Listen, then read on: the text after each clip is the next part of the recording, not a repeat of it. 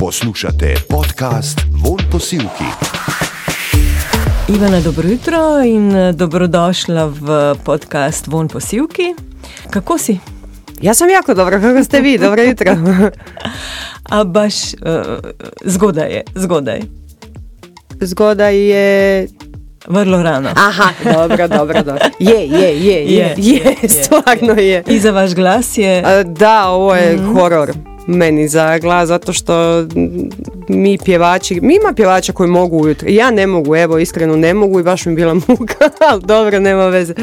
Ja, ja profunkcioniram predvečer, kad, znači kad puno pričam toko dana, kad mi se glasnice prošire, rašire, svašta nešto, onda mogu, onda funkcioniram. Ovo je sad malo kdaj ste krenili iz Zagreba? Mhm.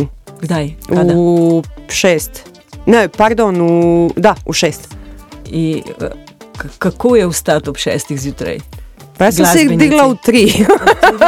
da, ja sam se digla u tri. Ja se inače dižem u šest i pol radi male, tako da mi nije to, to problem, ali onda ja to sve ulagano, lipo kava, pa spremim sebe, da dok, pa dok spremim nju, vrtić i ono. A ovo mi je malo bilo napito, znam da moram ići pivat, a da me, da me grlo neće. Koliko je stara? Maja? Četiri godine, četiri i pol, da. Slatka. Je, predivna je, predivna je. Kako je ime? Elena. Elena. Da. A, I, i ti, ti jo pelješ u vrtec. Ja, da, da, da. Vrtić nam je odmah tu blizu kuće, tako da. A kje živiš u Zagrebu? U Dubravi. Dubravi, to je, ne vem, hiša, To mi je, mm, blok. uh, Aha, u kuća. Ja, to vam je kući. b- m, kad dolazite iz, iz pravca Varaždina prema Mm. Zagrebu, predgrađe. Uh, koliko časa se že ukvarjaš s glasbo? Koliko dugo? Ja, 15 godina. 15 let. Već je 15 godina. pe- Da sam bila tvoja mala Aj, aj, aj, aj, aj. Okrogla, okrogla. Da, da, da. okrogla. Tu negdje cca, cirka, Ok, da. ok. In kako se počutiš v tem glasbenem Super, svetu? obožavam. Super. Ne, to je Ja? ljubav velika. Tudi zato, ker si rasla s tem od malega? Pa ne kako? radi Ne. toga, ne, Mhm. ne radi toga, ali ja sam bižala u stvari cijeli život od toga i tek kad sam došla u studio sa 28 godina stavila slušalice na, uši, na uši i skužila sam da je to to. A res, da je Da. petje nekaj, kar... kar Ne, to je to i ništa, ništa drugo osim toga, da. Mhm. A si eh, hodila na kakšne vaje, si imela kakšne učitelje? Ma ne, imala sam Ne. Mhm. neki mjesec dana uh, učiteljicu pjevanja, to kad sam ušla u magazin. E, radi disanja i nekih tehnika sam skužila da je to sve nepotrebno. Ništa mi to nije pomoglo dok sam stala na binu, nego tek iskustvo, iskustvo, iskustvo znači godine, godine, godine i to u stvari. Jer drugo je kad ti učiš ovako, mislim pomognu jako puno te stvari, ali bina je drugo, jer ja pjevam zabavnu glazbu i tu je vrlo bitan i odnos sa publikom i napraviti atmosferu i tu ima puno, puno tih ne- nekih aspekata koji stvaraju tu jednu cijelu priču, ne samo pjevanje, jel? Pa ti, ti vedno uspe uh, ustvariti to atmosfero, dobro, zabavno. Da, da, da, da. Uspe. Kaj da. to, to je kaj, temperament? Pa temperament, ali najbitnije je da ovaj, uvijek ovisi sve o publici, kakvi su oni. Evo Znači, mi se možemo ubiti na bini, bendi moja, oni ako su down, nema, ne pomože ti. Ako su oni veseli, ps, to ide do, do neba i nazad. A, in tudi tebi dajo energijo. Da, ne? to uvijek Nazaj. povratno, da. Mm, mm. Ja se divim recimo nekim izvođačima koji mogu ono napraviti neki zid i reći ok, ja ću sad pjevati i dati svu svoju energiju, ja ne mogu. Meni kad oni daju energiju, ja letim, ja doslovno letim. 15 let na sceni, kakšni so bili začetki? Mal mi povej. Pa bili su jako teški zato što sam ja ušla tada u grupu magazina, prije toga nikad nisam bila na bini, nikad nisam držala, nikad nisam držala mikrofon u ruci, a oni su radi, radi, radi, radi, radi, to je neko ko nikad nije, nikad nije pjevao, nikad ništa, sad uđeš u jednu grupu koja radi 30 godina stalno, baš su me ono stavili, ajde sad malo pivaj. I u stvari sam tako i uđe, i to je najbolje.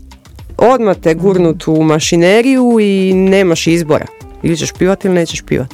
I kad si pod stresom tim, kad si pod tim velikim šokom, a stalno radiš, nemaš vremena biti u šoku jer moraš stalno raditi, tako najbolje učiš.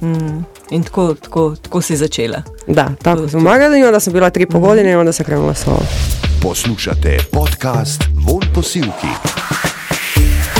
In kakšna je samostojna karijera? Je, je težja, je Ma, mislim, da- je drugačna? Pa teža je po pitanju recimo što sve ide na tvoja leđa. Znači svaki tvoj izbor koji napraviš, to je sve na tvojim leđima. E, s- jednostavno sam sebe određuješ. A kad si u grupi ti si tamo pjevač.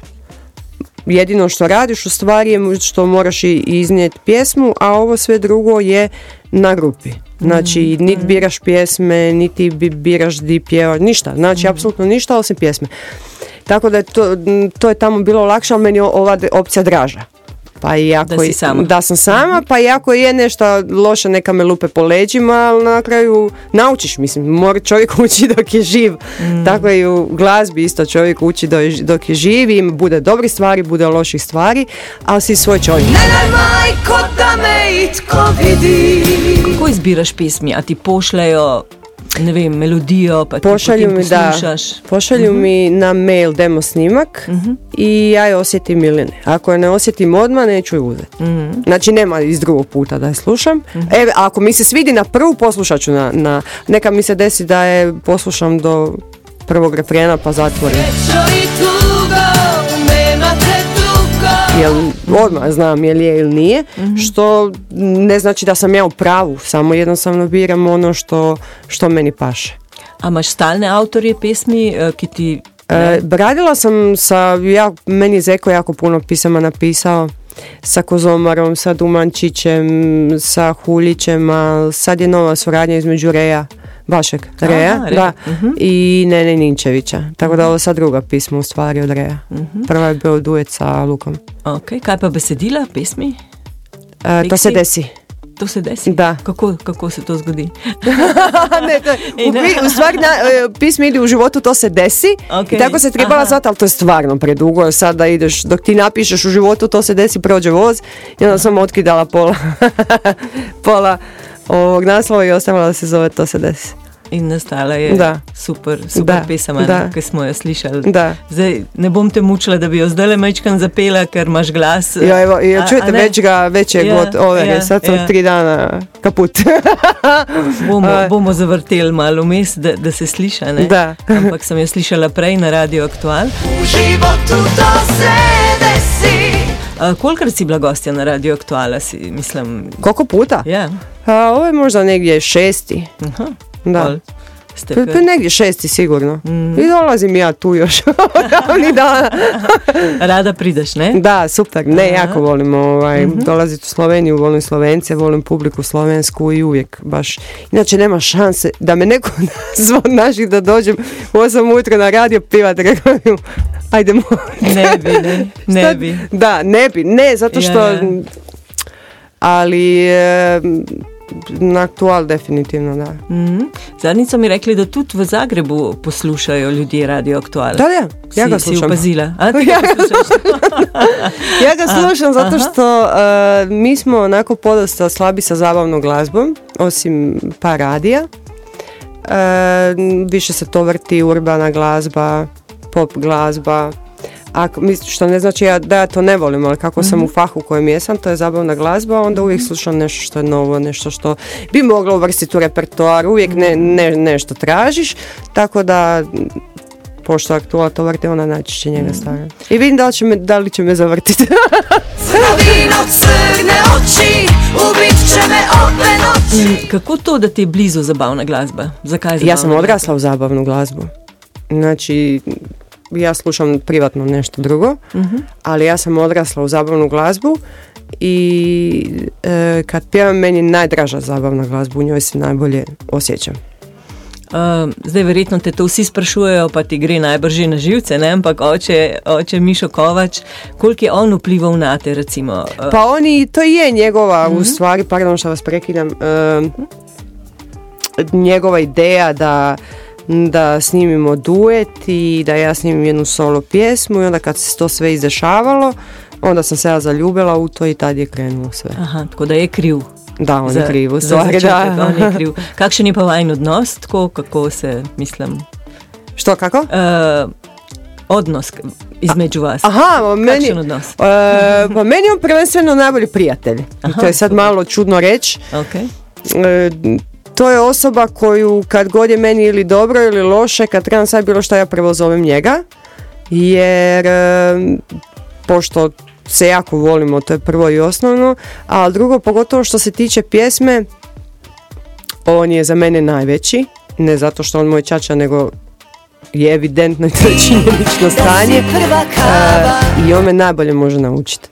Znači kad m, postoji razlog zašto je prodao toliko i toliko, zašto je još uvijek najveća zvijezda, zašto... znači njega možeš najbolje naučiti, a on nije osoba koja mene gladi po glavi i govori bravo, ti si super, ti-" nego baš suprotno.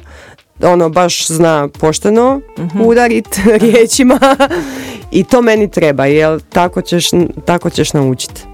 Tako napreduješ. Da, tako napreduješ i to ne primam, nikad nisam ni to primala srcu. Neka znam, ma šta ti znaš, no, ono, mislim, tada reći to njemu to to je malo prebahato jer čovjek zna svoj posao. Jel? Ja, ja, potem vidiš da ima prav, ne? Da, da. I, I nevjerovatno, nevjerovatno, on stvarno uvijek na kraju ima pravo. Uvijek ima pravo. Zoprno, ne, zoprno. Da. Ni zašto te ne Um, kaj drugače počneš v življenju, recimo, kadar, kadar se ne ukvarjaš z glasbo ali pa z, s E? E, s- najviše sam sad sa malom, tako da ona je sad e, su te godine, četiri godine kad je ona toliko slatka i hoću svaki trenutak provesti s njom, tako da sam najviše podređena njoj. Mhm. Kaj, ne vem, gledaš filme, bereš? Kaj, Ma idemo vani, trčimo po parkovima, vozimo se u autićima, po svašta nešto radimo. Doslovno me vrati u, u, u moj 12. godinu, onda smo Ma super, baš nam bude super. Otpustiš sve košnice, bude ti super. Pa je težko kombinirati življenje glasbenika Nije. z eh, življenjem mame? Nije. Ne. E, možda je malo teže zato što e, smo, moj dečko i ja sami, znači svi su u Dalmaciji, a i on smo sami u Zagrebu, ona nema tetu čuvalicu. Onda kad ja negdje idem, onda je moram voditi u vodice, pa otići na gažu i onda sa gaže recimo koja je, bubnu ću sada u Čakovcu, vratit se po nju u vodice, vratit se, tu je, tu nastaje mali problem, jer ako je, ako je radni tjedan.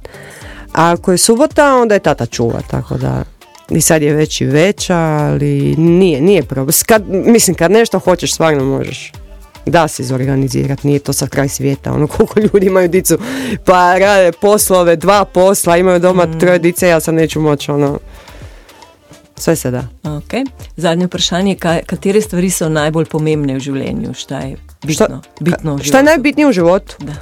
Uh, pa nije, sam teško je to svesti na jednu stvar. Teško, ja, jako Lahko te- več, može više. Pa mislim da je da, najbitnije biti zdrav, ali dobro, to je sad već jedno psihičko stanje. A, a, fizičko, a što se tiče psihičkog je najbitnije ostati pozitivan. Jer od tuda sve kreće.